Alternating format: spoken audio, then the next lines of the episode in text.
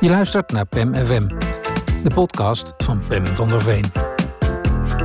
Aflevering 35, Kikker Yoga. De kinderyoga-juf heeft een Kermit-handpop die ze Yogalientje noemt.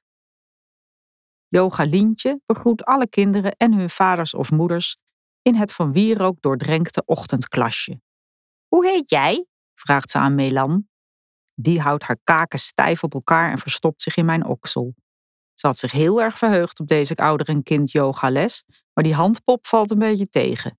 Gelukkig dringt Jogalientje niet verder aan en richt ze zich tot het jongetje op de mat naast ons. Na het voorstelrondje vouwt iedereen de handen voor de borst om volgens goed Darmisch gebruik driemaal om te chanten. Iedereen, behalve Melan, die stuurs de kringen rondkijkt. Voor de zonnegroet loopt ze al even min warm. Terwijl wij onze handen ten hemel reiken, staat zij met haar knuffel in de armen geklemd, niet van zins een vin te verroeren.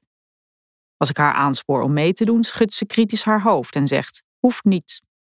De op dieren geïnspireerde yoga-poses, ze kunnen haar gestolen worden.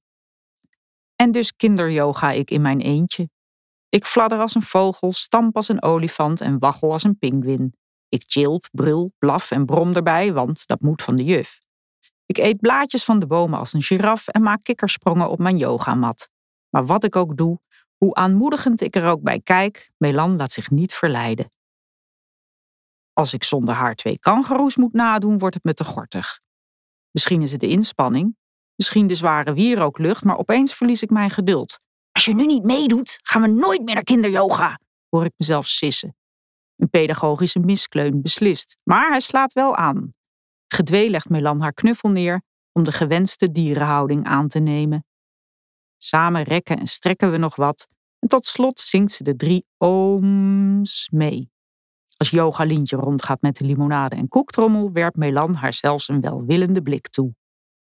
Ik denk dat we volgende week weer gaan.